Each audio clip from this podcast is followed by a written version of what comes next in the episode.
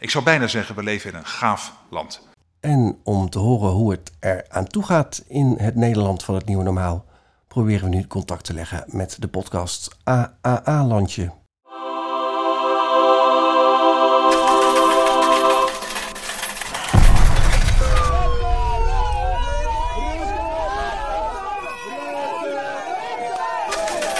Dit is Radio Coronica. Vaccinatieplicht op de werkvloer. Er komt ook geen vaccinatieplicht op de werkvloer. Zou dat iets zijn om dat tussen, eh, op de, tussen Nee. werkgever en werknemer te laten... Nee, want we hebben afgesproken, er komt geen vaccinatieplicht. Daar moeten we echt trouw aan blijven, want anders hebben de mensen gelijk als ze zeggen... hé, hey, maar je verandert van, van opvatting en je verandert van, eh, van opstelling. Moeten we niet doen. Er komt geen vaccinatieplicht op de werkvloer. Is een keer over met die man. Dit was Hugo de Jonge, zo net op 14 september 2021. Ja, seizoen 2, aflevering 2 van AAA Landje. Right here, right now is where we draw the line.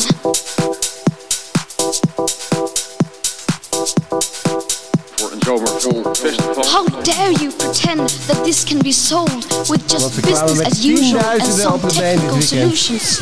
Dansen met Jansen. So a 50% risk is simply not acceptable to us. We who have to live with the consequences. Dansen met Jansen. This is all wrong. En gisteren vroeg Hugo de Jonge of de dansfeestjes voorlopig even konden worden afgeblazen aan de festivalsector. you?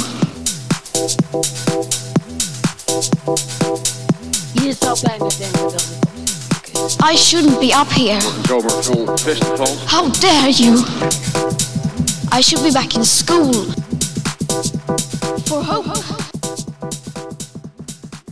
Yet you all come to us young people with your empty words. For hope. How Dansen met Jansen. dare you? For hope. How dare you? QWERTY Klavier en de Cupid. How dare you go dansen met Jansen.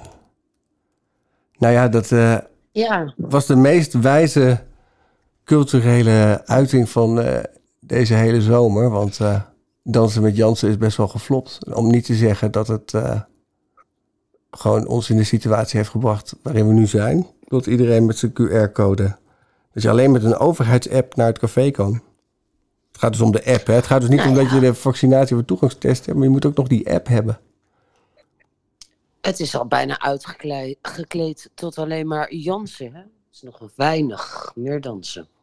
Ja, dansen mag niet meer van, van Hugo. En misschien zelfs na twee prikken Jansen niet. Omdat, ze dan, omdat je dan weer op nul komt te staan. Nou, dat, ja, dat heeft hij dus vandaag weer, eh, eh, middels dat advies van de Gezondheidsraad, eh, is die derde prik nog even on hold gezet.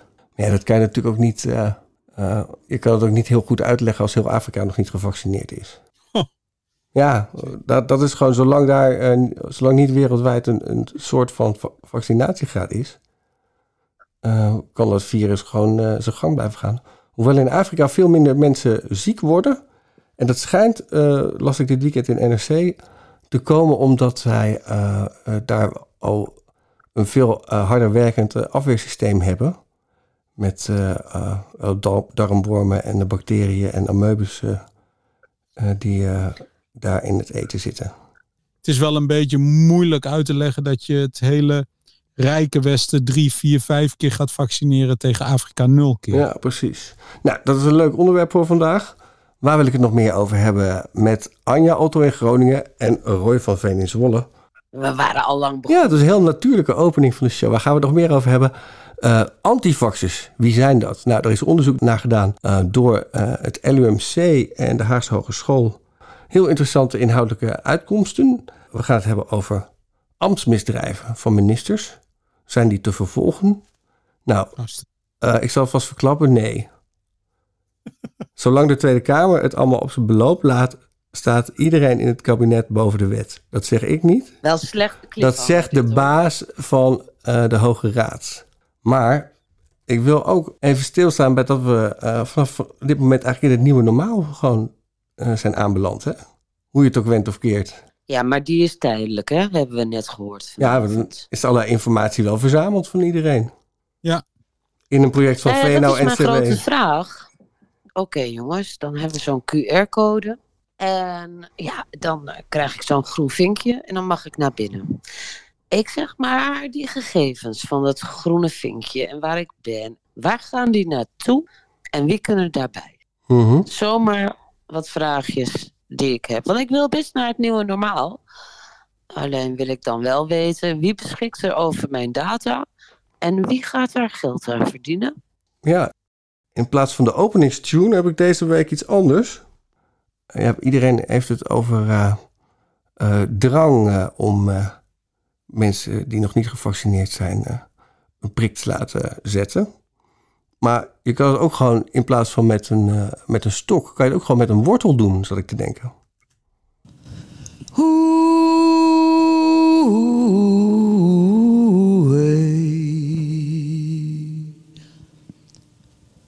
Happy day.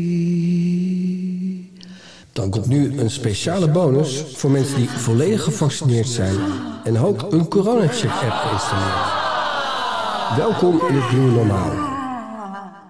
Omdat coronacheck drie C's heeft, is het een ABC'tje dat je bij AAA-landje een bonus verdient. Start nu de app op en leg de QR-code met een fototoestelfunctie. Dit is de veiligste techniek die alleen wordt gebruikt op je eigen toestel. Je gaat zo dadelijk de QR-code activeren voor het loyalty-programma voor Nederland. Mail voor de toeslagen. Leuker kunnen wij het maken. at gmail.com. Hierdoor krijg je voorrang bij de allernieuwste informatie over het derde vaccin. Daar heb je recht op. Dit voorkomt bovendien dat je straks in het gedrang komt als iedereen de volgende prik wil halen. Leuker kunnen we het maken. at gmail.com. We gaan er nu mee aan de slag.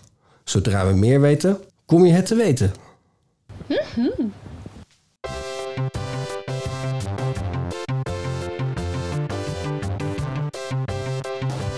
Dit is een programma van de Inclusive Atari Alliance Initiative. Hugo de Jonge is supporter van dit programma. Stimulans voor mensen inderdaad om zich te laten vaccineren.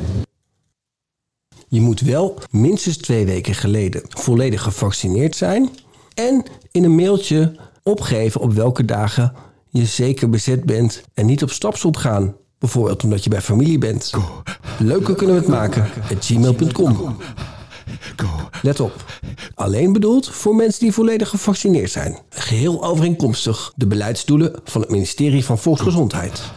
Nou, dat is niet het hoofddoel, maar dat is natuurlijk wel een neveneffect. Die stimulans voor mensen inderdaad om zich te laten vaccineren.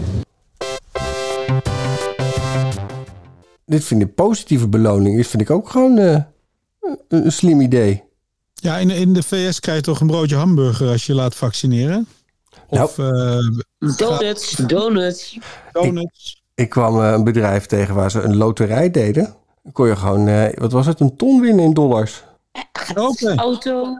Ja, Maar geen reserve nieren of zo. eh, misschien. Nou, dan, moet je, dan moet je toch een tas kopen bij Oma Muni. Oh ja, dan maak je kans op nieren. Ja, dat lijkt me ook wel handig. Dat is toch. eh, Oma Muni heeft, eh, eh, is gestopt bij de Nierstichting als ambassadeur nadat de Volkskrant had uitgevonden dat hij een nier had geschonken gekregen van een vrouw die verliefd op hem was. En daarna, nadat hij een nier had, had ge- eh, in zijn lichaam had, zou hij niks meer van zich hebben laten horen. Dat is het Nederland al nu, hè? Ja. Ja, dat is ook wel een beetje de zepcultuur natuurlijk. Gebrek aan loyaliteit, wat je natuurlijk in de breedste zin van het woord eh, tegenkomt. ja, en dat is waar Hugo de Jonge eigenlijk ook op inspeelde in de persconferentie vanavond. Nou ja, gebrek aan loyaliteit. Hij riep op we dat we zijn met elkaar in solidair. gesprek te gaan. Ja, ga met elkaar eh, ruzie maken in de kantine op je werk. Ga het gesprek met elkaar, en noemt hij dat dan. Alsof, alsof hij, eh, ja, bij hem is het natuurlijk nooit de vraag hoe dat afloopt. Ja, Gelukkig is de kantine bij ons al weggesaneerd. Dat scheelt heel wat gesprekken. Sorry, kunnen. maar wat een zootje eh, eh, op de rem Ja, wil je eerst even zeggen wat de zootje is... of wil je eerst even iets uit de, pers- uit de persconferentie luisteren? Ja, doe me die persconferentie. Ja, maar. het was al een zootje. Kunnen. Of wanneer u weer eh, eh, op de rem denkt te moeten trappen. Ja. nieuwe plan van aanpak voor het najaar zal vanavond als bijlage ook in de richting van eh, de Kamer worden gestuurd. En dan, dan zult u dat ook kunnen lezen. Maar laat ik er een aantal dingen over zeggen. Het eerste is dat het sturen op besmettingscijfers zoals we dat deden, heel lang, dat doen we niet meer de komende periode, omdat dat eigenlijk niet meer zinvol is. Die besmettingscijfers vertellen een heel ander verhaal dan ze deden. We kijken er nog wel naar. We gebruiken het zeker als, als achtergrond, als context om de beslissingen te nemen. Maar het is geen indicator meer om op te sturen. Waar we echt naar kijken, dat is naar de ziekenhuisopnames. Omdat dat eigenlijk het belangrijkste is voor de komende tijd. We hebben allemaal de kans gehad om onszelf te laten vaccineren. Een deel van de mensen heeft dat nog niet gedaan. Die gaan we absoluut proberen te overtuigen. We weten nog niet of dat lukt. Maar we proberen zo hoog mogelijke vaccinatiegraad te bereiken. En ondertussen te voorkomen dat de zorg zijn werk niet meer aan kan. Want als dat gebeurt, dan komt de toegankelijkheid van de zorg in het gedrang. Nou, daar hebben we eigenlijk uh, van, uh, van vier risiconiveaus zijn we terug naar drie risiconiveaus. Waarbij we op dit moment eigenlijk in het middelste van die drie zitten. Waarbij we zeggen, nou, als je, als je meer dan tien IC-opnames, in een zevendaags gemiddelde meer dan 10 IC-opnames per dag hebt, tot het moment dat je tussen de 25, ongeveer 25 IC-opnames op een dag hebt, als zevendaags gemiddelde, gelden ongeveer de maatregelen die we op dit moment nemen. Je zult altijd in de context, je zult altijd in de context moeten kijken. Wat de verwachting is ten aanzien van de ontwikkeling uh, eigenlijk, ziekenhuisopnames, moeten we ook eerst de wet hebben we in de Kamer uitvoerig besproken. Ik was daarbij. Het waren vele uren in de Tweede en in de Eerste nou ja, Kamer. dat viel er zo mee hoeveel het was. Werkelijk aan alle kanten is die wet beklopt en betast. En hebben we met elkaar vastgesteld in welke sectoren vinden we het verantwoord om die coronatoegangsbewijzen in te zetten. Dat staat vastgelegd in de wet. En vervolgens is er een regeling die je moet maken, een ministeriële regeling die je moet maken, die je moet voorhangen aan de Kamer. Nou, dat doen we. Dat doen we namelijk vanavond. Ergens vannacht gaat de brief naar de Kamer met een regeling als, als, als bijlage. En die gaan we Ja, waarvan hij uh, voor de zomer bij de behandeling van de wet nog zei... nou, als het moment daar is, kunnen we dat uh, allemaal nog goed met elkaar bespreken... waar het precies nodig en wenselijk is. Zegt hij hier, uh, ja nee, we hebben het al vastgelegd in de wet. Dus van bespreken is, ja... Nou, ja, dit lag allemaal... Doen we het dan nog voor, hè? Nou, precies, want vorige week was het nog... als genoeg mensen zich laten vaccineren... gaat dit plan, deze opening van de QR-samenleving niet door. Hè, dat was toch de incentive vrij nu nog snel laten vaccineren, twee weken geleden. Maar hij heeft volgens de Volkskrant vorige week al tegen zijn ministerie gezegd... Nou jongens, zet je schrap, want dit is een tijd waarin we veel kritiek te verduren gaan krijgen.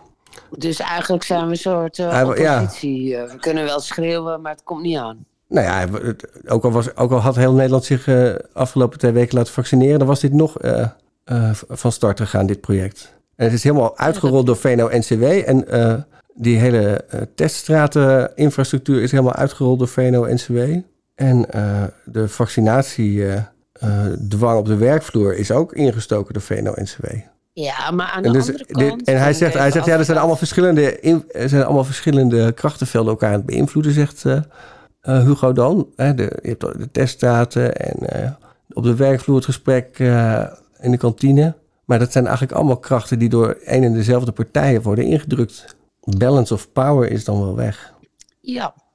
Kijk, uh, Xenia hier in huis, die uh, geboren is in de USSR, die zei uh, het wel heel erg duidelijk. Hè? Die, die is groot geworden in een, in een systeem waar van alles van mensen geregistreerd werd. En waar het systeem dan selectief misbruik van die gegevens maakte om bepaalde bevolkingsgroepen te ondermijnen, te discrimineren of uh, op een andere manier uh, nou ja, op te sluiten of weg te zetten. En ze zegt als dat gewoon in de samenleving gebeurt en het vertrouwen in de, in de overheid neemt af, dan ga je zo'n systeem gewoon structureel wantrouwen. En ik denk dat we in Nederland zijn aanbeland bij dat moment. Ja zeg maar, de overheid dermate corrupt bezig is. Hè. We hebben een toeslagenaffaire achter de rug. Hè, wat gewoon natuurlijk een, een groot racistisch uh, complot is.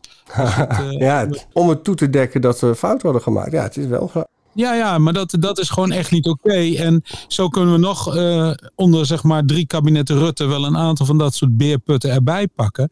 En dan is het vertrouwen nou, in de overheid niet hoog. En dus ga je een systeem, hoe goed Hugo de Jong het ook uitlegt, want dat deed hij zojuist ook weer keurig. Maar hoe goed je het ook uitlegt, je gaat het gewoon wantrouwen. Ja, we kunnen Hugo ook niet meer vertrouwen sinds hij maar blijft uh, onderhands klussen gunnen zonder aanbesteden, terwijl er geen enkele aanleiding voor is. Uh, hij is die bronnen kwijt van uh, al die persoonlijke beschermingsmiddelen en dergelijke. ik ben er trouwens eens ingedoken. En eh, het is dus allemaal nog wel een stukje erger dan dat Hugo eh, deed voorkomen. Hij zei toch eh, over die anderhalf miljard, eh, zei hij tegen het journaal van ja, ja, als je in het hols van de nacht eh, eh, met gillende sirenes nog net niet, maar beademingsapparaten gaat leveren bij, bij het ziekenhuis, dan, dan vergeet je wel eens een pakbon. Maar het blijkt dus, het staat in allerlei stukken die ik heb gelezen de afgelopen weken. Onder andere van die interne commissie die daar de financiën op orde moest brengen eind vorig jaar. Het blijkt dus dat juist bij dat, bij dat grote mondkapjes en andere beschermingsmiddelen pakhuis, eh, wat samen met Mediek werd gerund, dat daar allerlei goederen niet waren eh, ingeklaard. Gewoon in een magazijn dus. Wauw. En dat lijkt me eigenlijk best wel onmogelijk. Want een, dat- dat, een magazijn heeft natuurlijk, daar werken gewoon mensen die gewend zijn om dit soort eh, handelingen te verrichten. Hoort, daar komt van alles binnen. Staan mensen met een barcode scanner. En dat moet ergens zijn, die, die administratie. Ja, en dan is het gewoon, oké, het is een keer over met het vertrouwen. Maar laten we hem op zijn woord geloven. Hij is de administratie wel kwijt. Dan moet hij gewoon opflikkeren. Want dan ben je gewoon een slechte bestuurder. In het bedrijfsleven ben je gewoon hoofdelijk aansprakelijk voor. Nou ja, dat is het, het punt inderdaad met die aansprakelijkheid. Die is hier eh, ver te zoeken. Ik heb het zelfs eh, nog even gekeken, maar dat was met name ook meer eh, gericht op eh, eh, Cora van Mora. Eh, oh nee, Cora van Nuonhuizen. Cora, Cora van Nuonhuizen die eh, eh, eh, voor de eh, Vereniging van Nederlandse Energieleveranciers gaat werken. Zeg maar eh, Gazprom van Ketelhuizen.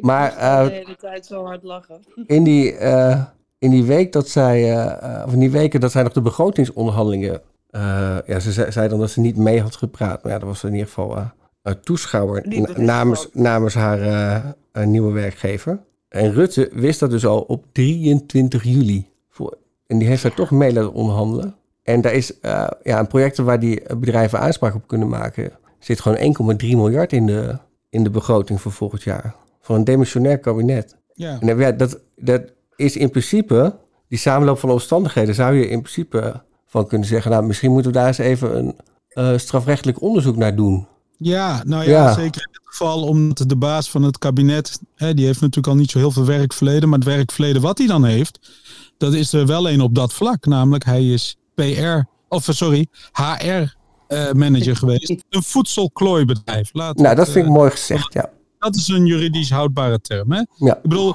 een voedingsbedrijf dat, dat voedingsmiddelen op de markt zet die eh, gezonde ziek hebben, die aantoonbaar minder voedingswaarde hebben dan bijvoorbeeld een fles bier. Dat is zo'n bedrijf, daar was hij HR-manager van. Juist. En dan juist als HR-manager zou je moeten weten wanneer het concurrentiebeding ingaat. Ja, dat punt één. Of als het niet om, direct om een concurrentiebeding gaat, maar wanneer het dan gevaarlijk wordt. Ik bedoel, als een van je commerciële adviseurs weggaat en die om ergens anders accountmanager te worden, niet eens bij een directe concurrent, maar bij iemand in de keten onder je of boven je, dan is er ook bijna geen HR-manager in Nederland te vinden die dat gewoon goed staat zonder een afkoelingsperiode. Laat staan dat je de laatste maand van jouw actieve functioneren nog bij vergaderingen mag zijn. Ja. Die gaan over een periode van na jouw. Vertrek gaan. Nee, het is onbestaanbaar. Dat is niet te geloven. Meestal moet je gewoon, ja, meestal moet je gewoon je spullen pakken, toch? Als je, het zo- als je zo'n, eh, ik heb het ook wat meegemaakt dat ik naar de concurrent ging. En Ja, dat was eh, moet- niet, eh, niet op het een of ander, maar eh, je pakt nu je spullen en eh, Ja. eh, tot, eh, tot, op je, tot op je afscheidsborrel. Ja. Of je blijft zitten, maar je, je bent niet meer bij vergaderingen. Dus je recht die op. mails, eh, die mails gaan ook niet meer naar jou toe. Hallo. Nee, Dus dat- genieten. Dus, dus eh, dan zit je dus, eh, laat ik het zo zeggen, ik, ik heb in de gemeenteraad van Den Haag verslag gegeven. eh, Richard de Mos en eh, die andere wethouder van, van Hart voor Den Haag, groep de Mos, die werden voor minder van hun bed gelicht eh, om zeven uur s ochtends door de Rijksrecherche. Ja. Maar ja, we hebben de ministeriële verantwoordelijkheid en we hebben de parlementaire onschendbaarheid. En de enige die eh, vervolging eh, of een onderzoek hiertegen zou kunnen gelasten, dat is de Tweede Kamer. ja, Of de koning. Maar de, koning heeft daar weer een handtekening van de minister-president voor nodig. Maar het, is in principe aan de Tweede Kamer om nu te zeggen, ja, eh, kijken of dit wel in de haak is. Maar die moet het dan in meerderheid beslissen. Nou, en dat werd al afgewezen over de toeslagenaffaire. ja. Zo'n aangifte of zo'n onderzoek. En het, het gekke is als je dan naar peilingen kijkt, even los van eh, lijst omzicht, die natuurlijk in de peilingen nu als een raket eh, Ja, binnenkwam. bizar hè? 25 zetels, ja.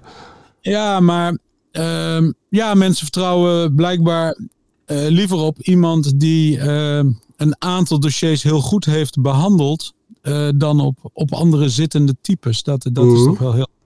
Maar desondanks zitten de klappen niet bij de VVD van Mark Rutte, die gewoon leiding gaf aan dat kabinet dat Mhm. vanwege racisme. Mm.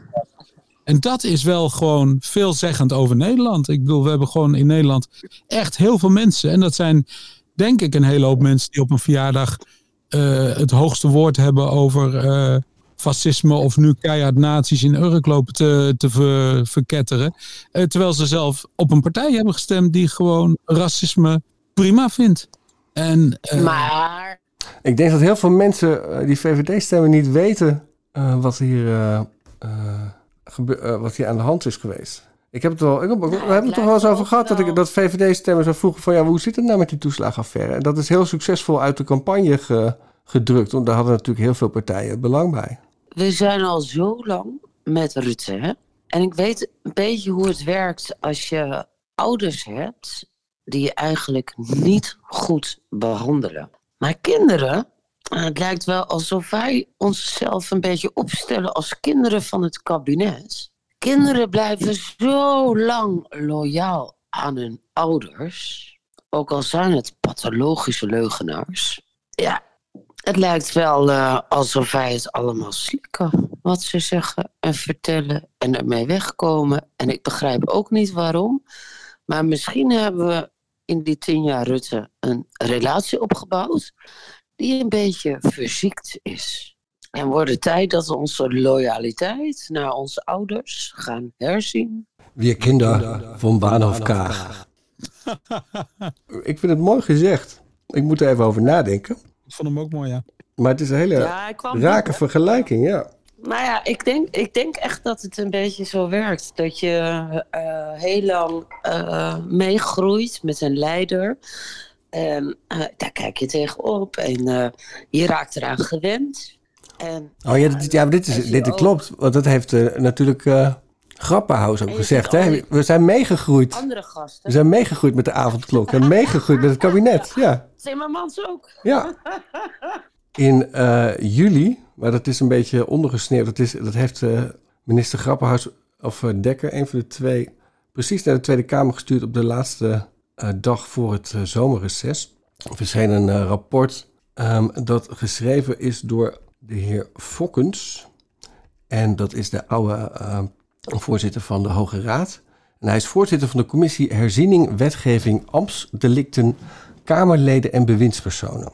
Fokkens is dus, als jij als Kamerlid zegt, eh, wat hier gebeurt vind ik verdacht, ik wil een strafrechtelijk onderzoek. En de hele Tweede Kamer steunt dat. Dan kom je dus bij Fokkers terecht. En dat, die heeft dan een team die eh, met het onderzoek helpt. En daar, heeft, eh, en daar heeft de Tweede Kamer echt maar drie maanden voor. En ze hebben geen opsporingsbevoegdheden. Ze kunnen niet telefoons afluisteren of stukken in beslag nemen. Anders dan dat ze op grond van hun grondwettelijke rechten kunnen. Ze hebben geen speciale op, opsporingsrechten. En vinden ze geen bewijs, dan is de zaak voorgoed geseponeerd. Voor goed. Voorgoed, ja. Want dan is hij eens vervolgd, altijd vervolgd. Hey, je kan niet twee keer voor hetzelfde vervolgd worden. Maar als het onderzoek dus verprutst wordt... Stel, als het onderzoek er al komt, het komt dus niet... Wordt het dan verprutst, is het zaak voor altijd en eeuwig voet zien. En ehm, ja, en ook bij de, als het tot een rechtszaak komt, eh, geldt daar, eh, het is eh, de enige eh, rechten, het is de enige rechtszaak die over deze eh, zaak zal plaatsvinden. Dit komt allemaal uit de tijd van Napoleon, uit 1814 om precies te zijn, volgens Fokkers. Net als het juridisch eh, vastgelegde eh, begrip om niet. Dat bestond ook niet voor de tijd van Napoleon. Wauw. Dat, ja, grappig hè? Minder grappig is dat ehm, eh, eh, zolang de Tweede Kamer natuurlijk met de formatie bezig is, niemand op het idee zal komen om zo'n aangifte te doen. Want ja, dan mag je natuurlijk niet meer meedoen met de formatie. Nee.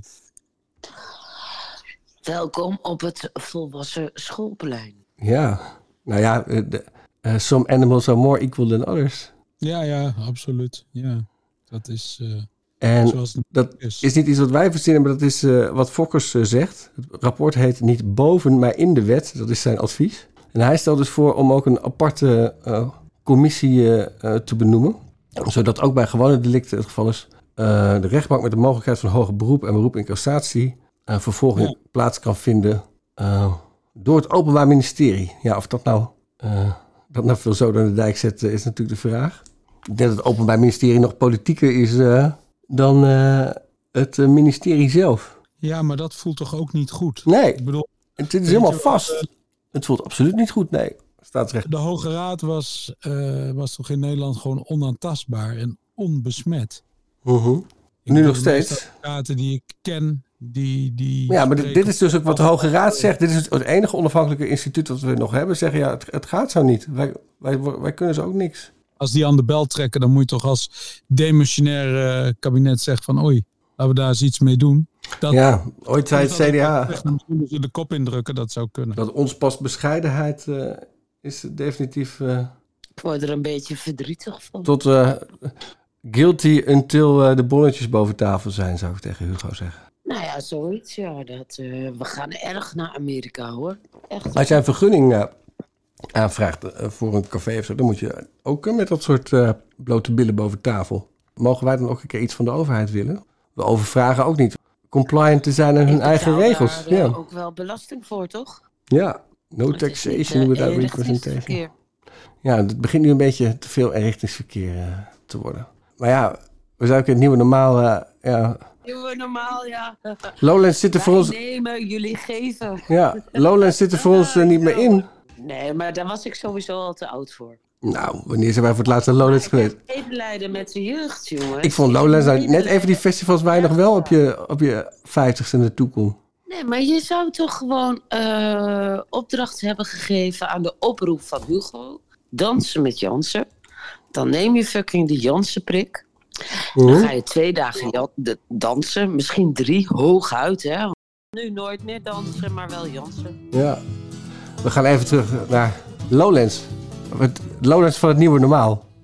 Dit eh, is de, de, de Juliet heet dit tent. Gaat u staan voor de professor. Professor Dr. Ernst Hirsch Berlin, hoogleraar Nederlands en Europees Constitutioneel Recht van de Universiteit van Utrecht. Goedemiddag. Goedemiddag. Ik was eh, 16 jaar oud toen het aller, allereerste Lowlands plaatsvond. A camping flight to Lowlands Paradise. Dat is de leeftijd waarop je plannen maakt, ambities ontwikkelt. De ambitie om op te treden op Lowlands, daar heb ik toen niet aan durven te denken. Zelfs maar. En nu is het zover. En meteen al bij mijn debuut een tent vol publiek. Hartelijk dank voor jullie komst. Mijn collega's waren daar wat En de crowd goes wild. het blijft dus doodstil eh, drie kwartier lang. Gek hè? Dat, eh, hele, hele enge man natuurlijk, Ernst Heers Berlin. Ernst Hiers Berlin is een eh, eh, constitutionalist die altijd wel de handhavende kant opzocht. Maar wat ik nu merk, ik heb een, een tijdje het migratiedossier gevolgd. En daar is hij als jurist ook best, best wel actief op. En daar is hij best wel weer ook aan het kijken hoe je het zo, hoe je het zo best mogelijk kan regelen voor eh, migratie. Dus het is wel, eh, het is wel met, met, het is niet alleen eh, law and order en Nou ja, wat is law and order? Kijk, hij zat op Telecom, daar heb ik er wel redelijk wat met hem te maken gehad. En dat was ook niet law and order. Dat was ook zo inconsistent. Als Maar daar was hij volgens mij, was, dat is wel aardig nu je dat zegt inderdaad. Hij was volgens mij een van de eerste ministers die op die telecom, op, op dat aftappen en die mass surveillance zat te, te pushen, toch? Ja, ja, die wilde die heel graag eh, massaal doorvoeren. Al die gegevens moesten naar een eh, bunker in eh, Brabant. En dat er allerlei providers, lees 2, waren die op voorhand zeiden van doe eens even lekker normaal. Daar gaan we niet aan beginnen. Daar hebben we rechters voor. Dat vond hij allemaal maar bullshit. Wij waren er overigens één van. Maar dat vond hij echt wel... Hoe ging dat? nou ja, je kreeg eerst gewoon een algemene brief. Die kreeg iedere provider. Zo'n kaf van het korenscheid brief, zeg maar. Dan heb je een aantal partijen die laten niets van zich horen. Een aantal partijen die stellen een paar vragen voor de bühne. Een aantal partij- partijen stellen wat vragen in de media. En een aantal partijen die eh, gaan formeel eh, moeilijk doen. En wij waren een van die, later, van die laatste partijen. En dan eh, ga je met elkaar praten. En dat, eh, dat, is dan, dat zijn informele één op één gesprekken noemen ze dan. Hè? Dus dan eh, ben jij alleen, hooguit met één adviseur of een medewerker, collega, whatever. Eh, en zij zitten er dan eh, met een minister en zes, zeven, acht, negen ambtenaren en eh, Zo. allerlei mappen. En dan heb je een soort informeel overleg aan een tafel van... jee, ja, die was Op heel lang. Op het ministerie was dat. Ja, ja. en Dat, dat heet dan ja. informeel. En dan zitten zij aan de ene kop van de tafel, zeg maar. En wij, wij zaten aan de andere kop. Daar zit dan een meter of tien tussen of zo. nou, dan, dan heb je ook niet veel gedaan om het gezellig te maken. Allemaal microfoons. Nee, nee. Dus dat, dat was, eh, dat was een, eh, een, een, een gekke ervaring. Ja, een beetje... eh, ja, heel gek, ja. En eh, zij wilden dan eh, dat jullie... Nou, zij waren op zoek naar beleid en hadden duidelijk zelf geen idee hoe dat internet er eigenlijk uitzag. Eh, dat dat iets fysieks was, zeg maar. Dus dat als. Zij zaten in een cyber... Ja, zij dachten in clouds en dat is ergens in een wolkje. En als dan die data van het ene wolkje naar het andere wolkje moet, Ja. dan hadden wij daar niet meteen een beeld bij dat dat de ene groep datacenters is die dan heel veel data naar een andere datacenter Ja. brengen. Wat voor beleid waren zij daar op zoek? Nou, zij waren toen bezig met vooral eh, alle gegevens verzamelen. Dus eh, gewoon heel veel gegevens wilden ze gewoon hebben. Mhm. Dan konden ze daar eh, dus eigenlijk een soort real-time tablas, daar waren ze eigenlijk naar op zoek. Dus dat iedere provider Weet je wat de NSA eh, in Amerika heeft? ja, real-time, eh, dat ze real-time bij alle data konden. Of eigenlijk, ja, dat, dat was hun grote wens. Dat ze real-time in konden prikken op alle netwerken van alle providers in Nederland. En nou ja, daar waren een aantal providers Mordicus op tegen. En de meeste waren er in zijn geheel geen voorstander van. Maar een aantal partijen waren heel, heel nou, twee of drie waren militant, zeg maar. Daar waren wij ook wel één van. Ehm, en eh, toen kwamen wij met het tegenvoorstel. Hè? Als je dan toch als partij al die eh, data real-time wil hebben, dan moet je ze volgens mij ook zelf willen opslaan. Eh, dus toen deden wij het voorstel om dan maar alle data bij hun aan te leveren. nou, dat vond, vonden ze wel een goed idee. Ja, dat was natuurlijk wel precies waar ze Ja, over hoopten. die, Ja. ja, die vonden dat een prima idee. En die gingen vervolgens natuurlijk in een tweede gesprek met hun technische mensen praten. En die zeiden van ja, maar wat de fuck, dat kan gewoon niet. Dat, kan, dat, dat kan niet. Dus toen moesten ze bij ons weer terugkomen met eh, ja, goed voorstel, maar nee, is niet realistisch. Nou, dat is wel slim, want dan heb jij natuurlijk wel eh, laten zien eh, dat je van goede wil bent. Nou, daarom, daarom. Wij waren van hele goede wil. Nou. En eh, wat dat betreft waren onze bedoelingen net zo goed als die van hun. Ja, de zaal, eh, de zaal op Lowlands, dit, dit wordt eigenlijk ook een beetje... eh, ja, we, eh, we weten nu wat, waar Hugo zich allemaal tegenaan bemoeit. Dus eh, hij heeft zelf gevraagd of er even geen dansfeestjes gegeven konden worden. Hè? Ja. ja, en zelfs laten onderzoeken bij de rechter of dat verboden kon Ja. worden. Hoe bedoel je bij de rechter? Nou, of het juridisch verboden kon worden Ja. om dansfeestjes te geven. Maar dat kon niet. Dus hij moest op de knie. Ja, maar ik, ik dacht dat hij dat gewoon in zijn eigen ministerie had laten uitzoeken. En eh, toen gebeurde dit, gisteren bij eh, Op 1 NPO. Het kabinet weet, want dat hebben we ze anderhalf jaar geleden al verteld... eh, dat je op 75% capaciteit eigenlijk onmogelijk een goed evenement kunt organiseren. Waarom niet? Eh, dat heeft te maken met, met kosten, met name. Eh, eigenlijk de, de, eh, in de laatste 10% weet je of je, of je kiet speelt of, eh, of, of daar wat aan overhoudt. Hierover had Nicky Plessen gisteren ook ruzie met onze grote vriend Diederik Jekel. Hebben jullie dat gezien? Nee, ik heb het niet gezien. Ik heb wel iets over gelezen, ja. Ja. Ehm, dit was Ruben Brouwer, de baas van Mojo. Ik zag het gisteravond voorbij komen voordat Ja, ik slaap. maar het echte komt nog, hè? Absoluut. Want hier zegt hij even wat over eh, die 25, 75% capaciteit. En ehm, Rutte die gaf dus vanavond toe dat ze dus kennelijk die laatste 25% kaartjes van Paradiso of het paard wel dan zouden willen vergoeden als compensatie voor eh, hun openingsregels van dit moment. Maar ja, dan eh, ken je natuurlijk eh, Diederik Jekel nog niet. Wij kennen Diederik Jekel nog wel, omdat hij een keer langskwam eh, in een aflevering waarin hij een door, de, door het RIVM betaalde deskundige journa- wetenschapsjournalist was. die voor de NPO en ook dingen maakte, maar ook voor de RIVM zelf. En hij twitterde toen een, een foto van een polio-kindje. omdat mensen zeiden dat ze twijfels hadden over het vaccin. Alsof COVID hetzelfde zou zijn als polio.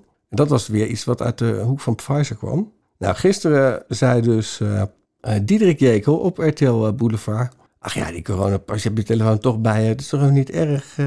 Ik vind wel dat er inderdaad ruzies ontstaan die, die, die niet nodig zijn. En dat er wel dingen opgelegd worden eh, in een democratisch land. ehm, eh, wat voor sommigen nu niet meer zo aanvoelt. Ik vind het zo zonde dat iedereen elkaar zo aanvalt. Wat jij zegt. Nou, dit is precies wat eh, Hugo de Jonge eh, vandaag weer zei. Hè? Van, ga er eens over praten op het werk met je collega's die niet gevaccineerd zijn. Ja. Ja, het is bizar. Dit zei ze over Diederik Jekel. Nicky, ben je, ben je bang voor een grotere tweedeling in de maatschappij als je nu hoort wat mensen voor en tegen die coronapas zijn? Nou, wat ik wel jammer vind, is dat dat, dat gebeurt op dit moment natuurlijk wel. Of je nou voor of tegen bent. Ehm, er, er komt op dit moment, ja, moment wel een tweedeling. Ook als je nu dit hoort. Eh, ja, wat Diederik zegt.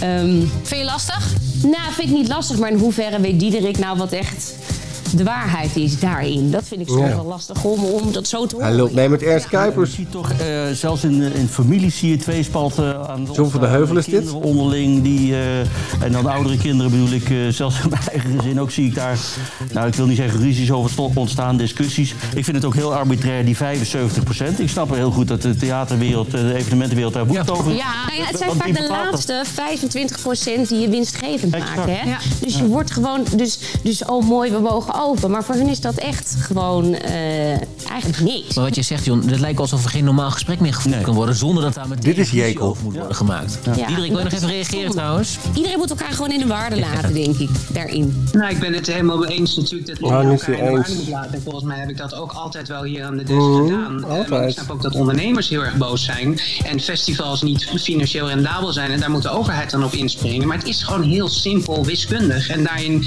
is dat misschien wel een beetje de waarheid. Je kunt gewoon kijken hoeveel mensen ziek gaan worden. En als die tegelijkertijd in het ziekenhuis komen, ja, dan hebben we niet genoeg bedden. En hoe je het ook bent of keert, wil je ook gewoon nog in het ziekenhuis behandeld wie er kunnen ziek worden op het worden, moment dat dat je bijvoorbeeld een ongeluk hebt. Je kan niet zeggen wie er ziek gaat worden. En daar heeft Nicky Plessen gelijk. Want deze heb ik even nagerekend. Eh Gommers en eh, Kuipers zeggen dat het om 2200 tot 3400 IC-opnames zou kunnen gaan. Als al die mensen, als 1,8 miljoen Nederlanders tegelijk corona krijgen. En eh, wat heeft Hugo de Jonge nou vanavond gezegd? Het is dus de bedoeling dat door de eh, versoepelingen die nu ingaan, voor de mensen die gevaccineerd zijn met, of, of getest negatief zijn, eh, daardoor zullen de besmettingen weer stijgen. Dit is de regel. Als we die anderhalve meter loslaten en we komen in grote groepen bij elkaar, dat dat ook kan. Zonder dat er heel veel mensen ziek gaan worden. Meneer Rutte, u zei het is een eh, spannende en eh, ook grote stap. We gaan af van de anderhalve meter afstandsregel.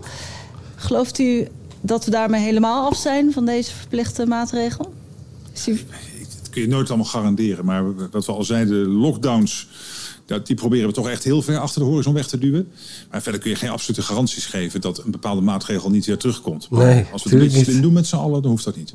Die vaccins zijn waanzinnig veilig, waanzinnig effectief. Beschermen voor 95% tegen ziekenhuisopname, voor 97% tegen IC-opname. Eh, beschermen enorm ook in de, in, in de transmissie, dus die remmen de transmissie. Dus als je jezelf wil beschermen, als je elkaar wil beschermen, als je de vrijheid wil beschermen, die we inmiddels weer hebben herwonnen op dat virus. De enige plek waar ze elkaar kunnen besmetten is, eh, is de toegangstestlocatie.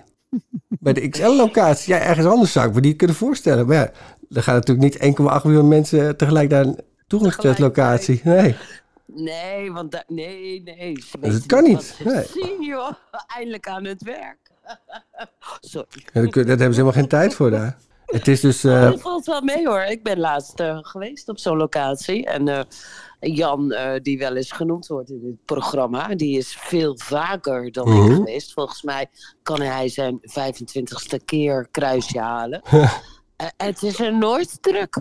Het is er nooit druk. Nee, niemand doet eraan mee. Het is daar echt nooit druk. Dus als daar ineens 1,8 miljoen eh, op afkomen, dan. eh what the fuck, man. Er is dus een eh, nieuwe aanbesteding uitgedaan door de Stichting Open Nederland. VNO-NCW Stichting. Dus van de werkgevers. En van de commandant de keelklachten was dat voor hem. Die is er alweer weg met nog onbekende bedragen. Ehm, en nu wordt de, de testlocatie uitbaten per afgenomen test betaald. Voor het eerst. Maar ja, Dat is wel zo eerlijk. ja, maar dat, eh, we zijn natuurlijk echt in de zomer vele tientallen miljoenen misschien wel kwijtgeraakt. Er is een eh, laboratorium, er is een laboratorium dat eh privédetectives heeft ingezet. En eh, het Financieel Dagblad had eh, met een van die detectives gepraat en ook in de stukken gekeken. En er zouden tientallen miljoenen door de Nederlandse overheid voor test eh, eh, eh, en de inhuur van testfaciliteiten zou naar belastingparadijzen zijn overgeboekt. Dat is een spannend verhaal wat er aan zit te komen. Is dat hetzelfde belastingparadijs eh, waar Pfizer, Moderna en AstraZeneca... Je bedoelt Nederland? in? Je bedoelt Nederland? Ja, het Prins Bernhardplein daar in Amsterdam. In, als je het Prins Bernhardplein, ja. Ja, Bernhard. Prins Bernhard was de baas van de Bilderberg, hè? Een belangrijke voorman van het beruchte vergaderclubje was Prins Bernhard. Waren een discussiegroep.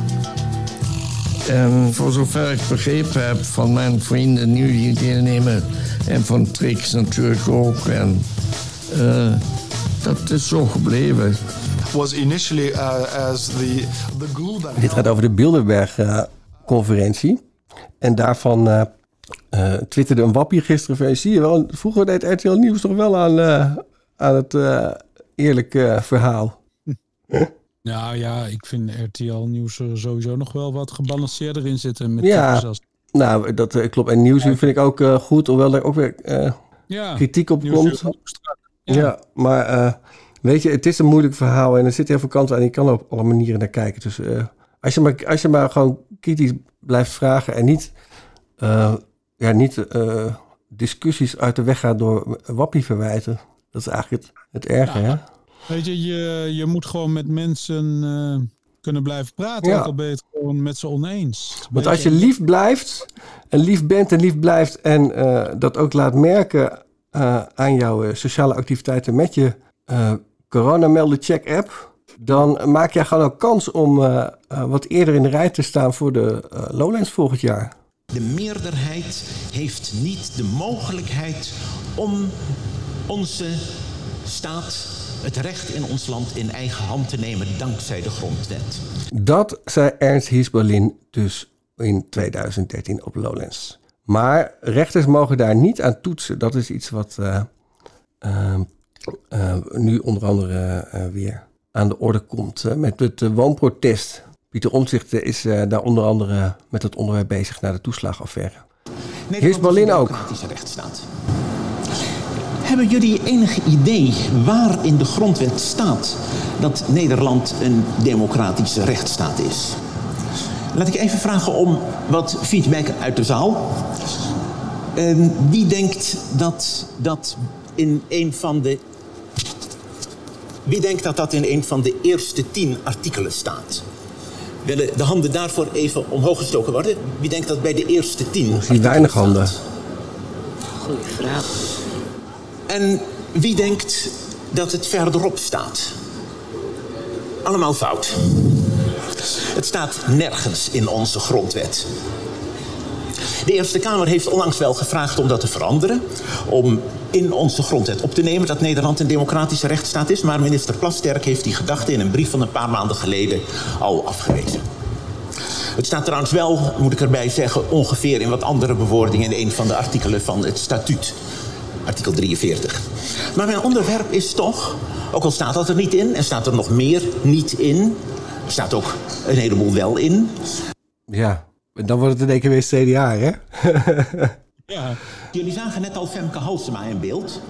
Een vroeger Nederlands Tweede Kamerlid, voorzitter van... Die appt ook heel graag met CDA-jurist, hè? In Femke. een paar jaar geleden een wetsvoorstel ingediend om de grondwet op dat punt te wijzigen. Om artikel 120 te schrappen. Tenminste door een andere bepaling te vervangen. En dat wetsvoorstel van Femke Halsema, dat was helemaal niet zo gek als je kijkt naar andere landen die een grondwet hebben en rechters hebben. En dat zijn eigenlijk alle landen om ons heen, vrijwel alle landen om ons heen. Daar kan de rechter beoordelen wat de grondwet voor mensen betekent. Denk bijvoorbeeld aan Duitsland, waar de rechter, de constitutionele rechter, die daar speciaal voor is aangesteld, een heel belangrijke bijdrage heeft geleverd aan de bescherming van de persoonlijke levenssfeer. Door daar die bepaling die daarover gaat in de Duitse grondwet uit te leggen. De Nederlandse rechter kan dat niet doen. En dat wilde Femke Halsema dus veranderen met haar wetsvoorstel. Een grondwetswijziging moet in twee lezingen worden aangenomen door de Tweede en de Eerste Kamer. En in de tweede lezing moet er een tweederde meerderheid zijn. En tussen de eerste en de tweede lezing, tweede ronde zou je kunnen zeggen, moeten er verkiezingen hebben plaatsgevonden. En dat wetsvoorstel is aangenomen, tenminste in eerste lezing, al in 2009. En in 2010 waren verkiezingen en in 2012 opnieuw. Dus de tweede lezing kon prima intussen plaatsvinden. Maar de Tweede Kamer laat de wijziging van de grondwet als een hete aardappel op haar bord liggen. En blijkbaar heeft ook de vroegere fractie van GroenLinks de interesse in het voorstel verloren. Want na het vertrek van Jolande Sap, die het eerst had overgenomen in oktober vorig jaar, is er nog steeds geen ander Kamerlid aangewezen die het voorstel gaat verdedigen. Als alle fracties die in eerste lezing voor het wetsvoorstel hebben gestemd ervoor stemmen, dan zou het wetsvoorstel nu in de Tweede Kamer makkelijk worden aangenomen, met twee derde meerderheid zelfs. In de Eerste Kamer zou het dan trouwens worden verworpen. Dus het ziet er niet goed uit. En bovendien, als puntje bij paaltje komt, zijn veel Kamerleden bang. Voor... Bang voor jou en bang voor mij en bang voor dood en bang voor pijn. Moeder, laat een lampje aan, het is donker hier. Eh, welke tent was het en was die vol? Het was de Juliette-tent, denk ik. De theatertent om de hoek. eh. Oh ja, die. En die was echt vol tijdens. eh, Volgens mij zijn, eh, nou ja, je hoort- ze zijn heel, ze zijn heel stil. Ik moet eerlijk zeggen, ik heb, ik heb, het duurt 47 minuten. Ik heb het helemaal niet uitgekeken. Het was er niet om erheen te komen. Ik heb, Zat jij daarbij? Nee, nee, nee, nee, nee. Ik heb het eh, van YouTube eh, gehaald. En ik was namelijk bezig met het uitzoeken van eh, eh, hoe dat nou zat met het eh, vervolgen van eh, ministers voor strafbare feiten. Ja. Ja. ja, het is niet dat mensen niet gewaarschuwd zijn voor de QR-samenleving. Want nee, we zijn er langzaam ingerold. we zijn er heel langzaam ingegroeid, maar dat hebben wij ook eh, eh, eigenlijk misschien wel vanaf podcast 2 of 3 besproken. En dat vind ik zo mooi. En ik vind het zulke mooie mechanismes die ik. Weet je, ik ben nog geen psycholoog, hè, maar ik zou het bijna worden door het bestuderen van anderhalf jaar corona. Ja. Ehm, uiteindelijk zijn we zo bang geworden dat we er zelf om vragen. We willen dit.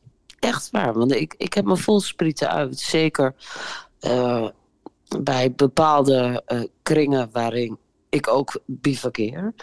Eh, zowel de kroeg, de bouwvakkers als, eh, ja, ik noem het maar eh, de D66-types.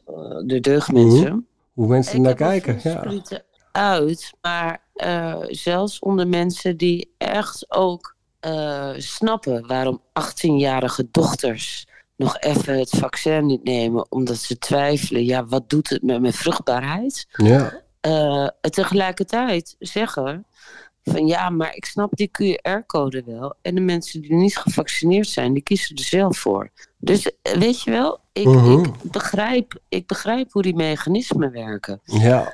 En, Alleen en ja, ik, denk ik, ja. Zalig zijn de onwetende geest. Nou ja, zijn ze niet altijd op waarheden en informatie berust. Nee, precies, want de desinformatie hierover Als komt van de overheid. gevoel. Ja, We zitten, we zitten lijkt wel in het tijdperk van het gevoel. In plaats Mhm, van ja. in het tijdperk van informatie. precies. Ja. Terwijl eh, als je op eh, Microsoft, Bill Gates en ID 2020 eh, zoekt, dan is dat idee van een digitaal paspoort is helemaal niet zo, eh, is helemaal niet zo nieuw. Dat komt dus, eh, dat had je in 2014, 15 waren ze er allemaal bezig. Het wordt dus in Nederland uiteindelijk met één jaar vertraging en een hoop bugs eh, ingevoerd. Nou, dan weet je wel Ah, zeker ja. dat het een idee van Microsoft is. dat is met Hugo de Jonge wel bevestigd. Laat ik iets minder wappie zijn, hè? want ik hou niet van die. Nou, dit is niet wappie. Dit zijn gewoon. dit is gewoon hoe het maar gegaan is. tegelijkertijd heb ik wel eens met een zielsverwant vorig jaar, of nee, laat ik zeggen al ruimschoots voor corona kwam, eh, wel eens gezegd van weet je, als je iets aan het klimaat of wat dan ook wil doen, dan zou je eigenlijk gewoon het vliegen en eh, het grote vrachtverkeer of als scheepvaartverkeer, hè, de containerschepen en zo en al die pakketjes die we bestellen. Eigenlijk zou je dat gewoon moeten verbieden. Nou, Gewoon verbieden, lekker nee, lokaal. we moeten het vergroenen. En, groene. En als je iets nodig hebt, schaf het duurzaam aan, zodat Ja. je tien jaar mee kan, net als vroeger. Eh, en ik heb toen al wel geopperd, hè, en dat was voordat ik eh, zeg maar in de achterdochtige eh, settings kwam, van hé, hey, ik zou het niet zo verkeerd vinden als iedereen elk jaar een bepaald budget krijgt. Ja, gekoppeld aan een QR-code of niet. Een milieubudget. En je mag een soort milieubudget. En je mag gewoon zoveel kilometer per jaar vliegen. Ja. Of rijden. Of vlees eten. En je kiest maar. Maar er moeten keuzes Maar het is dus, we gaan dat nu dus eerst proberen met een... eh, want dit is natuurlijk wat. Vaccin? Timmermans wil dit. Maar eh, dit kan natuurlijk straks naadloos worden ingepast op, eh, op het CO2. Maar dat, jij zei dus van... Ja, ik, heb het liever, ik zou het liever voor het CO2 hebben dan nu voor de, voor de Kiona's. Maar ja, dit, je medisch dossier is natuurlijk ook data die onnoemelijk veel waard is. Ook in geld. Dat is de duurste eh, Ja, maar persoonlijke mijn data. medisch dossier is wel geheim, hè? Ja, nou, de- Nogmaals, een stukje minder met het paspoort. vandaag. Het feit dat jij, Ja, nee, het feit dat jij die QR-app op jouw telefoon hebt, eh, eh, zegt al iets over jouw medische situatie. Ja, maar weet, weet je, ehm, ik kies liever voor het feit dat ik een jaar niet vlieg, Ja. dan dat ik eh, medische gegevens prijs moet geven. Want wie heeft er belang bij dat ik twee abortussen heb gehad, dat ik genitiale fratten heb, dat ik lid ben van de herpesfamilie? Eh en moet ik nog even verder gaan? Nou, wat- met weten? deze-? Met deze eh, uitspraak heb je in ieder geval aangetoond eh, dat jij geen eh, D66-lid bent. Dit is Radio Coronica. Oh, auw. Ik moet snel een nieuwe schelp vinden. Deze wordt steeds krapper. Ik zei toch dat heremietkrabben zich goed kunnen verstoppen? Ze graven zich vaak in in zand. Dat beschermt ze tegen de warme zon. Wat ben jij goed in dit spelletje, zeg? Dank je, Una. Ik heb al eh, een paar jaar kunnen oefenen. Oh, En toen las ik op de website zijzagenoorlog.nl de grote rode letters in hoofdletters geschrapt met de tekst Zolang het coronapaspoort van toepassing is, treed ik niet op in gelegenheden en op festivals waar dit beleid gevolgd wordt. Ik weiger mee te werken aan het optuigen van een QR-samenleving, aangezien ik in een land geboren ben dat een dergelijk systeem gebruikte en daar aan de lijve heb ondervonden, waar zo'n systeem op basis van louter goede bedoelingen toe kan leiden. Niet voor niets ontvluchtte ik dat land met niets anders bij me dan een paspoort en één plastic tasje met wat kleding. En dit was getekend de vrouw van Roy. Wauw, Roy. Ja. Wauw, wat een tekst. Ja, die komt van haar, ja. Ze schreef hem, eh, vorige week schreef ze hem eh, op haar persoonlijke Facebook. Dat toen dreigde natuurlijk dat QR, eh, die QR-samenleving al. En daar sliep ze al wat dagen slecht van. En ja, vandaag was de persconferentie, dus toen ja, publiceerde ze hem wat breder. Ik vind, want we hebben natuurlijk de afgelopen de, de, dagen dat bizarre, dat bizarre toneelstuk op Urk. Met die, met die jongens die daar in nazi-uniform gingen rondlopen. Dat, ja, heb je dat gezien? Het is Ja, ongelooflijk. En er worden alle godswensen weer bijgehaald. En, eh, maar dit is natuurlijk iets uit eh, van Xenia. En zij, haar familie in Wit-Rusland heeft natuurlijk nog dagelijks te maken met eh, autoritair leiderschap. Met minder goede Ja. bedoelingen. Nou ja, kijk, die, die, die regering in Wit-Rusland die beschikt natuurlijk over net zoveel informatie over zijn inwoners als waar een eh, QR-app eh, bij kan. Ja, en die acteert daar ook op, dus die, die regering daar. Dus dan, dan eh, heb je dus een toeltje wat met goede bedoelingen bedacht is en ingevoerd is en waar gewoon allerlei ellende uitkomt. En dat is wat Xenia zelf Wat voor ellende eh, moeten we aan denken? nou, toen de tijd in de USSR had je, hè, zij is geboren in, in een land, zoals ze het zelf altijd zegt, of hè, in, tijdens haar voorstellingen zegt, tenminste niet in de actuele voorstelling, maar in haar solovoorstelling van twee jaar geleden was dat een van haar, eh, was dat de opening eigenlijk van de voorstelling. Ik ben geland in, geboren in een land dat niet meer bestaat, en dat gaat dan over de USSR. En eh, daar was een hele hoop bekend bij de overheid over allerlei inwoners en eh, daar deed de overheid van alles mee om allerlei doelgroepen en bewonersgroepen tegen elkaar op te zetten en om ze ja, bepaalde weg te houden bij bepaalde diensten, zoals zorg of eh, bepaalde scholen. Hè, daar was je niet welkom als je een vinkje achter je naam had staan. Ja. Je hoorde zelfs dat Hugo de Jonge het over het inzetten van de corona-check-app had in het ziekenhuis voor zorgpersoneel.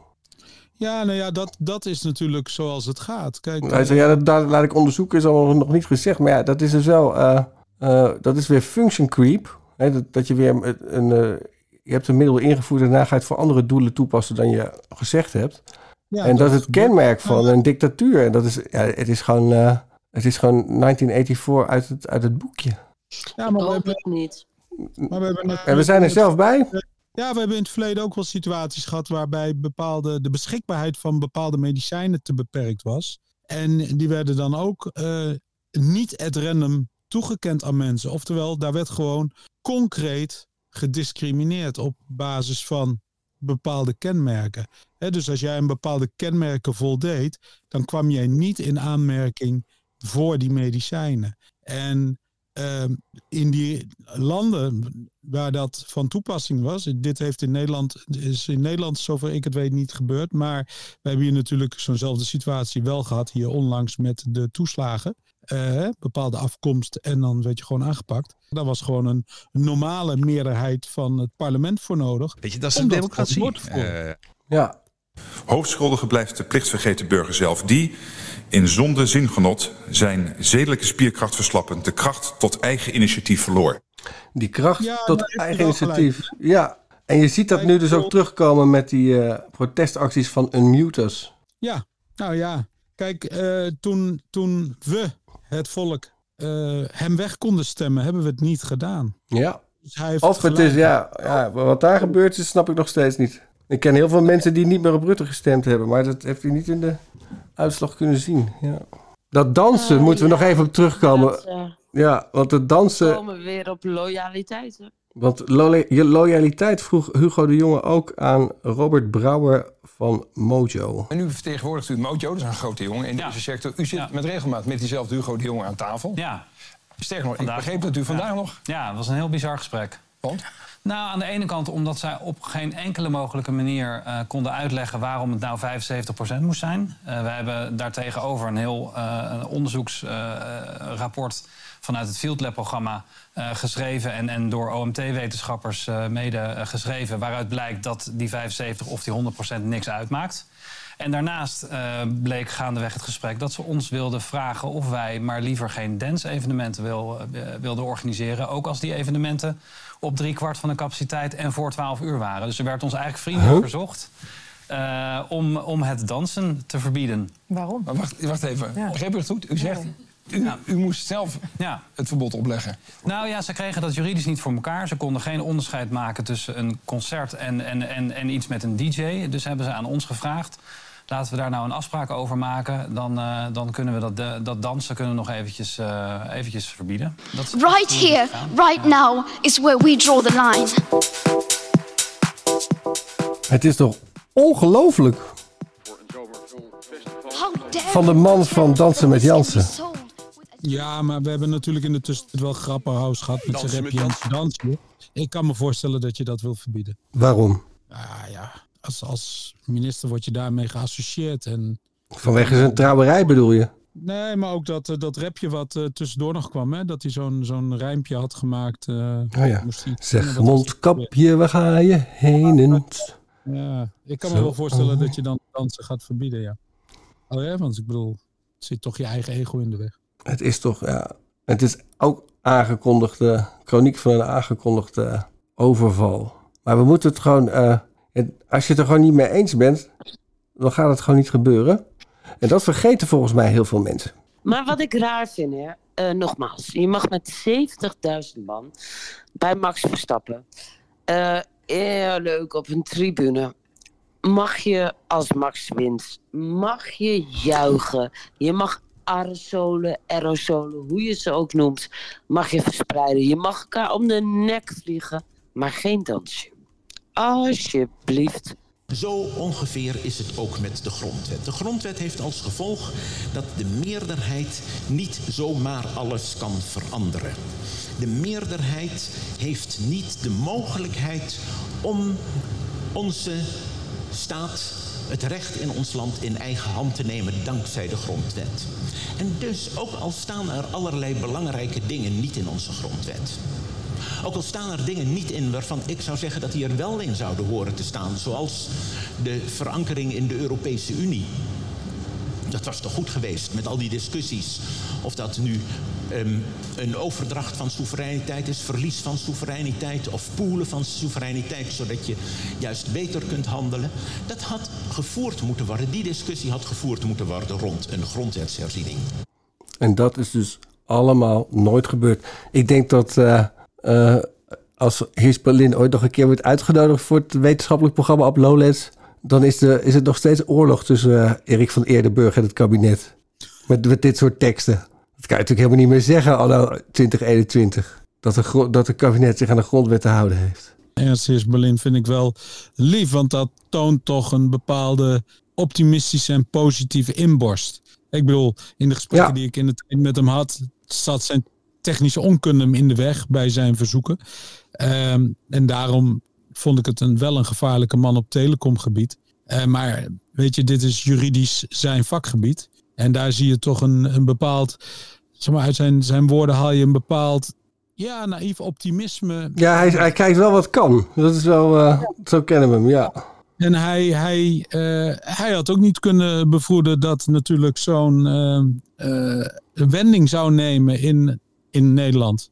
Nee, zeker. Ik, weet, ik denk niet dat hij, wordt, dat hij werd uitgenodigd voor, eh, voor Davos, inderdaad. eh. Nee, is iets te rechtlijnig voor, denk ik. ja, precies. hey, ehm, we moeten het denk ik nog even hebben over de antifaxers. En eh, nu, nu zijn waarschijnlijk heel veel luisteraars boos om, om het woord antifaxers. Ja, ik wil het anders noemen. Ja, hoe gaan we het noemen? Vaccinatietwijfelaars. Vaccinatietwijfelaars, ja. Dat vind ik heel mooi. En Anja heeft het niet... Beter omschreven. En eh, dit eh, heeft Anja... huiswerk, hè? Van Dit jou heeft Anja...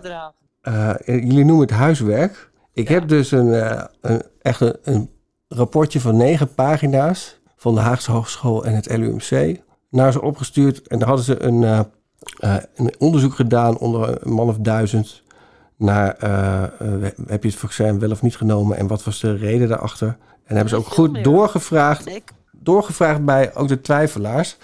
En daar is een inhoudelijke, dus niet, niet allemaal cijfertjes, maar een inhoudelijke uiteenzetting van wat nou de argumenten zijn. Jawel, eh, dat, dat, eh, die inleiding had ik anders verwacht hoor. Ja? Oh, Eh, hoe had jij hem gedaan? Wie, door wie is dat, eh, dat onderzoek, die paper, door wie is dat uitgevoerd? Want dat heb jij weer. Dat is gewoon door het, het is gedaan door het LUMC en de Haagse, de Haagse Hogeschool. En het is ook uitgedragen, het is ook uitgedragen door eh, Jet Bussemaker zelf. Dat is de, de Nou, baas. dat wilde ik even, dat wel gedegen onderzoek is. Ja, het is, het is echt degelijk eh, en het is uit eh, een legitieme bron. Het is, eh, ja, het, eh, Dat bedoel ik. Ja. Dus die inleiding van jou, en dan kom ik een beetje, zeg maar, dan kop ik hem in. En dat is eh, de maatschappelijke impact van COVID-19. En het onderzoek, deze steekproef, is in maart dit jaar gedaan. Vier- 24.227 Zoveel? Wauw. respondenten, dus niet een duizend. Zo. nee. Bijna 25, of 24,5 dan. Eh, daarvan is een 15%, althans maart 2021, zonder dat we wisten dat er een QR-code en uitsluiting eh, aankwam. Maar 15% was niet bereid tot vaccinatie. eigenlijk net als nu. Open vraag, waarom niet? Lachgevoelig, want slechts 19% heeft daarop geantwoord. Echt waar? En, Wauw. Ja, echt waar. Maar uiteindelijk van die 19% hebben ze al die eh, dingetjes een beetje bij elkaar opgeteld. En waaruit blijkt dat vrouwen vaker dan mannen zeggen: ik neem hem niet. Lager opgeleide weer vaker dan hoger. En daarbij ook de migratieachtergrond meegenomen. Ja. En jongeren vaker dan ouderen. En dat verbaast me niet. Wat jongeren nemen hem vaker niet. Ja. 688 antwoorden van die 15% die bereid was om die open vraag te beantwoorden. Waarom niet? En dat kun je dan onderverdelen in, ja, zeg maar een top 3 categorie. En daarvan op één. Vertrouwen in eigen lichaam. En daarbij behoort, wij behoren niet tot de risicogroep. Ongeveer 25 procent. Op nummer twee zorgen over de bijwerkingen. Een derde. En op nu- nummer drie wantrouwen in het vaccin en de betrokken instanties als overheid en de farmacie. Ja, die zijn bij elkaar eh, ruim een derde, die twee. Ja, Die twee, alle twee staan garant voor een derde, een derde. Eh, we Samen, zien een gradatie in de mate van wantrouwen. In maart al, hè? laat staan hoe dat nu is. Ehm, de, de categorie die zegt, ik neem geen vaccin, gelooft echt wel in corona. Ontkennen het bestaan daarvan niet, maar hebben sterke twijfels bij het vaccinatiebeleid en het bredere coronabeleid. Wat deze groep iets minder leuk vindt, is dat ze meteen in de hoek worden gezet als virusontkenner of wappie. Dat is toch echt Hugo's idee. Ja. Ja, ik bedoel, dat zien we ook wel. Ehm, ook zorgprofessionals zijn in deze paper in maart 2021, eh, door, uitgevoerd door de categorieën die jij hebt genoemd en betrouwbaar zijn, die herkennen dit. Maar schrijven dat toe naar het kopje groot angst. Ehm, die zorgprofessionals die zeg maar eh, de wereld in zijn gestuurd om ja, die vaccinatiebereidheid onder die vaccinatieweigeraars toch iets omhoog te brengen. Die krijgen ook te maken met natuurlijk een deel religieuze overwegingen. Toch is dat in dit onderzoek een kleine categorie. Vaccinatiebereidheid wordt ook beïnvloed door het beleid en de uitvoering daarvan. Dat zeggen de zorgprofessionals ook. Niet iedereen kijkt namelijk de NPO. eh, persconferenties, eh, hoeveel hebben we er gehad? Maar die waren voor een bepaalde doelgroep niet altijd makkelijk te begrijpen. Dus eh, ja, weet je, al die wisselende adviezen. Hier komt ook wel weer eh, de, wel of niet dansen met Jansen. En al die dingetjes. We weten wel, we, kennen ze allemaal, we herkennen ze ook. En dan hebben we ook nog te maken met de bereikbaarheid van priklocaties. Eh, kijk, ik woon in het noorden. En in de stad is natuurlijk, zijn dingen goed bereikbaar hoor. Maar die priklocaties, gek genoeg, die zitten vaak ver buiten het centrum. Dus als je geen auto hebt of je bent afhankelijk van het openbaar vervoer, moet je echt je best doen, heel goed je best doen, om zo'n prikje te halen. Niet iedereen is daar even toe bereid. Nou, dat lijkt me best oplosbaar, dat laatste. En eh, daarbovenop komt er ook nog eens een keer een stroeve samenwerking tussen GGD en huisartsen. Ja. Die is eh, tot maart, ik weet niet hoe het nu is, En die huisartsen zijn er klaar mee, denk ik, ja. maar tot maart eh, ja, heeft de GGD vaak eh, vingerwijzend Ja. naar huisartsen. Jullie doen je werk. Je mag dit niet, je mag dat niet. Ja. Dus ook daar is polarisatie. Ze hebben toch laatst nog. Allemaal eh, een hele, hele stapel eh, brieven naar dokters gestuurd... dat ze geen nep, nepnieuws mochten verkopen. Hebben jullie dat meegekregen? Dat is een beetje ondergesneeuwd, het nieuws. Ik zoek er maar even bij. Eh, want dit gaat precies over wat jij zegt. De IGJ heeft een bericht uitgedaan... dat zij, dat was op 31 augustus, twee weken geleden... inspectie in actie tegen onjuiste informatie over corona door artsen... Ehm, de inspectie heeft ongeveer 50 keer een corrigerende brief gestuurd naar artsen die evidente onjuiste informatie gaven over het coronavaccin aan hun patiënten of via social media. En dat zijn natuurlijk een aantal van die artsen die op social media actief zijn, eh, eh, waarvan we de casussen wel kennen, maar dus 50 in een paar maanden, dat is best wel veel. Ja, tegelijkertijd, weet je wel. Ik heb ook, eh, ik moest even bij mijn huisarts zijn. En eh, waarvoor doe ik natuurlijk geen uitspraken. Want mijn werkgever gaat ook dingen niet aan. Dus mijn luisteraars ook niet. Nee, maar precies. ik moest even bij mijn huisarts zijn. En eh, nadat hij dingen had gedaan die echt... hadden we nog een paar minuten over. En daar hebben we ook lekker gebruik van. Dus ik zei op een gegeven moment tegen mijn huisarts... Ik zeg, goh, wat een stootje. En hij was meteen waarop ik... Hij kent me natuurlijk een beetje langer dan vandaag. Hij zei, ja, maar Anja... Ik zou ook niet een wereld willen zonder Hugo en Mark. Ook al doen ze hun werk niet goed. je wil het toch ook niet helemaal aan het volk overlaten.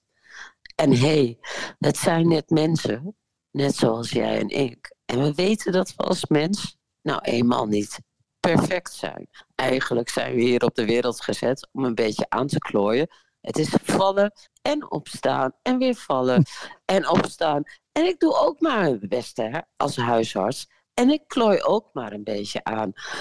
Maar blijf die verbinding zoeken en blijf sparren met mij en blijf in gesprek. En ik denk dat dat de boodschap is. Blijf in gesprek. Zo belangrijk, vooral nu. Hoe meer onze vriendelijkheid op de proef wordt gesteld, hoe vriendelijker we worden. Staat eh, Ja, toch? Desmond Tutu op de achterflap van het boek Vreugde, het mooiste cadeau voor iedereen.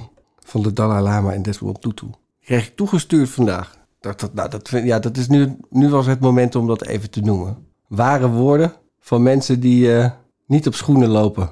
En zeker niet ernaast. En die niet gevaccineerd zijn. Laten we nu nog heel even serieus. De nieuwste LAREP-cijfers zijn vandaag uitgekomen. Heerlijk. Over de bijwerking van het corona-vaccin. Lara.nl slash coronameldingen. Er zijn twee pagina's eh, met, eh, over de bijwerkingen, maar dit is de goede. Ehm, we zitten op, even kijken, 23,1 miljoen vaccins. En eh, nou, het totaal aantal gemelde bijwerkingen is eh, 140.000. Dat is op zich hartstikke goed dat wij zoveel bijwerkingen melden. Maar in Euro- eh, binnen heel Europa eh, lijkt het er ook op dat in Nederland het meeste bijwerkingen gemeld worden. Of dat wij die het eerste doorgeven aan Europa. Maar dat betekent dus dat LAREP is dus al best wel goed eh, eh, verankerd in, eh, in de samenleving. Zit er kort op. Ja, nou dat is fijn. Dat, daarvoor hebben we ze ook. En ehm, waar ik even naar wilde kijken is het aantal meldingen met een ernstige bijwerking. Een ernstige bijwerking is ernstig als deze heeft geleid tot opname in het ziekenhuis, levensbedreigend was of overlijden. Ook blijvende invaliditeit en aangeboren afwijkingen noemen we ernstig. En de teller staat nu op eh, 2043. En dat is 100 hoger dan eh, eh, drie weken geleden. Alleen eh, volgens mij ging het toen ook al over 17 miljoen vaccins van eh, Pfizer. En dat zou dan wel een hele, dat duizend toename op 1 miljoen vaccins of op een half miljoen vaccins zou wel eh, heel veel zijn. Maar wat het punt sowieso is met die 2000 eh, ziekenhuisopnamen eh, na dat vaccin, dus die daar echt mee te maken lijken te hebben, dus moet allemaal nog uitgezocht worden. Dat zijn er veel meer dan je zou verwachten bij vaccinatieprogramma's. Want normaal bijvoorbeeld bij griepprikken en dergelijke, bij andere nieuwe vaccins, is een ernstige bijwerking 1 op 1 miljoen. Hier zit het dus al eigenlijk op 1 op, 1 op 1000 volgens mij, of niet? Ik schrik hier best van hoor, Ja. Willem. Het is nog steeds een heel, klein, eh, eh, heel kleine minderheid. Maar als bijvoorbeeld Hugo de Jonge zei vandaag... Ja, de vaccins zijn waanzinnig goed. Ja, dat kan je dus op de schaal van eh, andere vaccins uit het verleden... je kan niet zeggen dat ze waanzinnig goed zijn. Ze werken misschien wel, maar ze werken misschien ook niet heel goed... want je kan nog steeds besmet raken. En eh, ze zijn niet waanzinnig goed, want je hebt veel meer bijwerkingen... dan eh, bij andere nieuwe vaccins, lijkt het. Tenminste, voor zover ik dat terug kon vinden. Ja, ook een Amerikaanse eh, commissie die zeg maar een beetje een soort basishandboek daarover had geschreven. Zegt van ja, 1 op 1 miljoen, dat is wat je kan. dat komt nu eenmaal voor, een afweerreactie. En nu hoor ik toch wel weer ja, best wel veel verhalen over bijwerkingen. Vier ambulances op het voetbalveld zaterdagochtend. Ergens in Gelderland. Twitterde iemand, ja, allemaal jongens die aan het voetballen zijn. Worden afgeraden, afgeraden als je dit in Gent bent, begreep ik, om eh, te, te hard te gaan sporten. Goed, je, je hebt ook de cijfers van het aantal overlijdens tot nu toe, toch? Je zou er wel bij moeten staan. Even kijken of dat eh overlijdt. Oh, hier staat het. Eh 385 eh, Pfizer, 69 AstraZeneca, 47 Moderna, 14 Janssen. Ik dacht dat dat, waren een tijdje geleden nog nul bij Janssen. Ehm, maar ik kan het niet afzetten tegen de hoeveelheid. Het gaat dus om 17 miljoen vaccins Pfizer, 3 miljoen AstraZeneca, 2 miljoen Moderna. Ja, 2 miljoen Moderna en dan heb je dus 47 doden, dus dat is 50. 25 doden op 1 miljoen vaccins. Ja, dat, ik weet niet aan wie ze gegeven zijn. Dat, eh, Ja, maar het is dus niet. eh, het is dus wel een vaccin waar een iets hoger risico aan zit dan eh, bij anderen. Maar dat is ook nog steeds een risico waarvan heel veel mensen zullen zeggen: Nou, aanvaardbaar. Ja, maar kan me Maar herinneren- zeg het dan, doe daar dan wel eerlijk over. Zeg niet dat het de beste vaccins aller tijden zijn. Ik kan me herinneren dat bij een griepprik, eh, waar volgens mij een aantal jaren geleden, pak een beetje zes tot tien, ik weet niet meer eh, precies het eh, aantal, Eh, maar daar werd het griepvaccin meteen gestopt. Dat was echt beduidend minder dan nu. Even eens even kijken wanneer dat... vijf, in 2007. In het afgelopen seizoen overleden vijf mensen kort na het ontvangen van de griepprik. Eh, na de dood van enkele patiënten, dat was in 2007, in 2006 in de oktober, zette de Israëlische overheid de griepcampagne stop. Eh, op 24 oktober 2006 besloot ook de uitvoering van de Nederlandse griepcampagne op te schorten. Een week later is het toch doorgegaan. Ja. Maar vijf waren dat er dus. Dankjewel voor de cijfers. En, en zet dat even af tegen nu. Ja, het is nu natuurlijk een veel grotere vaccinatiecampagne. Daar moet je dan bij zeggen, nee, dat is niet zo, want dit zijn mensen die na het, over, na het nemen van zo'n vaccin overleden zijn. Maar dat heeft heus niks mee te maken. Net het, maar dat zijn de mensen die ook zeggen, van zie je wel dat al die mensen met corona doodgaan? Die niet ingeënt zijn, omdat het dan mensen zijn die eh, dan corona hebben gekregen in het ziekenhuis of zo. Ja, precies, ja. Weer polarisatie. Meer polarisatie. Laten we het allemaal, allebei een beetje met eh, eh, deze nuance als slag om de arm houden. Maar dat betekent dus wel dat je ook gewoon eh, de mensen die om de reden zeggen van ik vind het vaccin niet goed genoeg of niet veilig genoeg. Die hebben dus wel best een, eh, die hebben best een punt. Dan mag je best. eh, Ja, die Ja, dan moet je- meteen Ja. in de hoek als virusontkenner of Nee. wappie te worden weggezet. En dat vind ik belangrijk. Mhm. Net zoals ik het belangrijk vind dat ik heel goed snap waarom mensen het vaccin wel nemen. Ja. Dus hey, eh, laat de overheid niet zijn werk doen. En laten wij vooral gewoon in gesprek blijven. Eh, ja, dat lijkt me ook, ja. En een beetje liefdevol voor elkaar blijven. Zodat het leven ook gewoon leefbaar blijft. Ik vind wel dat er inderdaad ruzies ontstaan die, die, die niet nodig zijn. En dat er wel dingen opgelegd worden eh, in een democratisch land. ehm, eh, wat voor sommigen nu niet meer zo aanvoelt. Ik vind Unmute us. Unmute ja. Nou ja, dat kan je zelf doen, toch? Daar Ja, maar dat moeten we ook wel allemaal doen. Voor nodig. Precies. We hebben ook nog een innerlijk kompas. En laten we daar even met z'n allen goed naar kijken. is heel belangrijk nu. En laten de macht weghalen bij landen en bij democratieën. It's high time for great reset. Dat was het mooie laatste slotakkoord van Anja Otto in Groningen. gezegd zijn en die nu verweten zijn dat het complottheoristen... De intellectuelen nog wel allemaal hebben ze gelijk. Ja, sommigen zijn natuurlijk doorgeslagen en sommigen zitten er ook naast. Weet jij eh, wat het verschil is tussen Hugo de Jong en een trolleybus? Nee?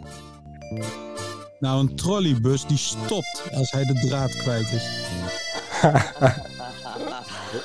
Ah, dan heb ik ook nog een mopje. Als we toch nog gewoon een record staan. Eh, hoe noemen we een otter met Parkinson? Wat een? Otter met Parkinson? Hmm, nee. Een bever. Nou ja, vreugde, het mooiste cadeau voor iedereen. AAA-landje is de enige podcast waarin je het ziet met je ogen dicht. Volgende week zijn we er weer. Live vanuit het Nederlands. Ge- QR gecodeerd. Maar we zijn er voor iedereen. En het toetje is voor eh Roy. Met zijn prachtige anekdote op eh Zij zagen oorlog. Dus dit is eh, van eh, Xenia. Ik ben geboren in een land dat gelukkig niet meer bestaat. Op mijn zeventiende ontvluchtte ik het door mijn leven in een plastic tasje te stoppen en een bus naar ergens te pakken. En waarom? Omdat we gemarkeerd waren als een volk dat je anders moest behandelen. Dat was ooit gedaan zodat mensen rekening konden houden met de religie van mijn voorouders, maar het ontaarde in een systeem waarin we steeds minder mochten en konden. Goede zorg was alleen haalbaar als we doktoren kenden en bereid waren die zwart te betalen. Maar specifiek scholen lukte uitsluitend tegen betaling en buiten het systeem om. Ik kan meer voorbeelden noemen, maar u heeft vast een idee omtrent de warmte in die samenleving. Wij werden gezien als derde rangs burgers en al dus behandeld. En dus pakte ik een paar spullen en vluchtte ik. Weg van mijn vrienden, weg van mijn geboortegrond. In de nacht bereikten we de grens. De grenswacht die mijn moederland moest beschermen vernietigde conform de procedure mijn paspoort en met een verborgen geboortebewijs belandde ik in Hongarije, waar ik direct op een vliegtuig werd gezet naar Israël. Na de landing kreeg ik in het vliegtuig een gasmasker. Of ik dat even op wilde zetten, want het was midden in de Eerste Golfoorlog en Saddam Hussein had besloten Jeruzalem met skutraketten te beschieten. Er was angst dat het een chemische aanval betrof. Met een gasmasker op kwam ik binnen in het land dat gebouwd is door overlevers van de Holocaust. Het was ook nog Purim, ook wel Joods carnaval genoemd. Het is een populaire Joodse feestdag die de bevrijding van het Joodse volk herdenkt, van een complot om ze allemaal te vernietigen, zoals beschreven in het boek Esther. Israël zou nooit mijn thuis worden en ik vluchtte verder naar Polen en België om uiteindelijk mijn rust te vinden in Amsterdam. En nu word ik ook hier geconfronteerd met een QR-code voor handige administratie, ontstaan uit goede bedoelingen. Handig is het wellicht, maar het voelt als een déjà vu en ik vrees het hellend vlak. En volgens mij is trainen een vak. Coachen is een vak. En volgens mij is journalist ook een vak.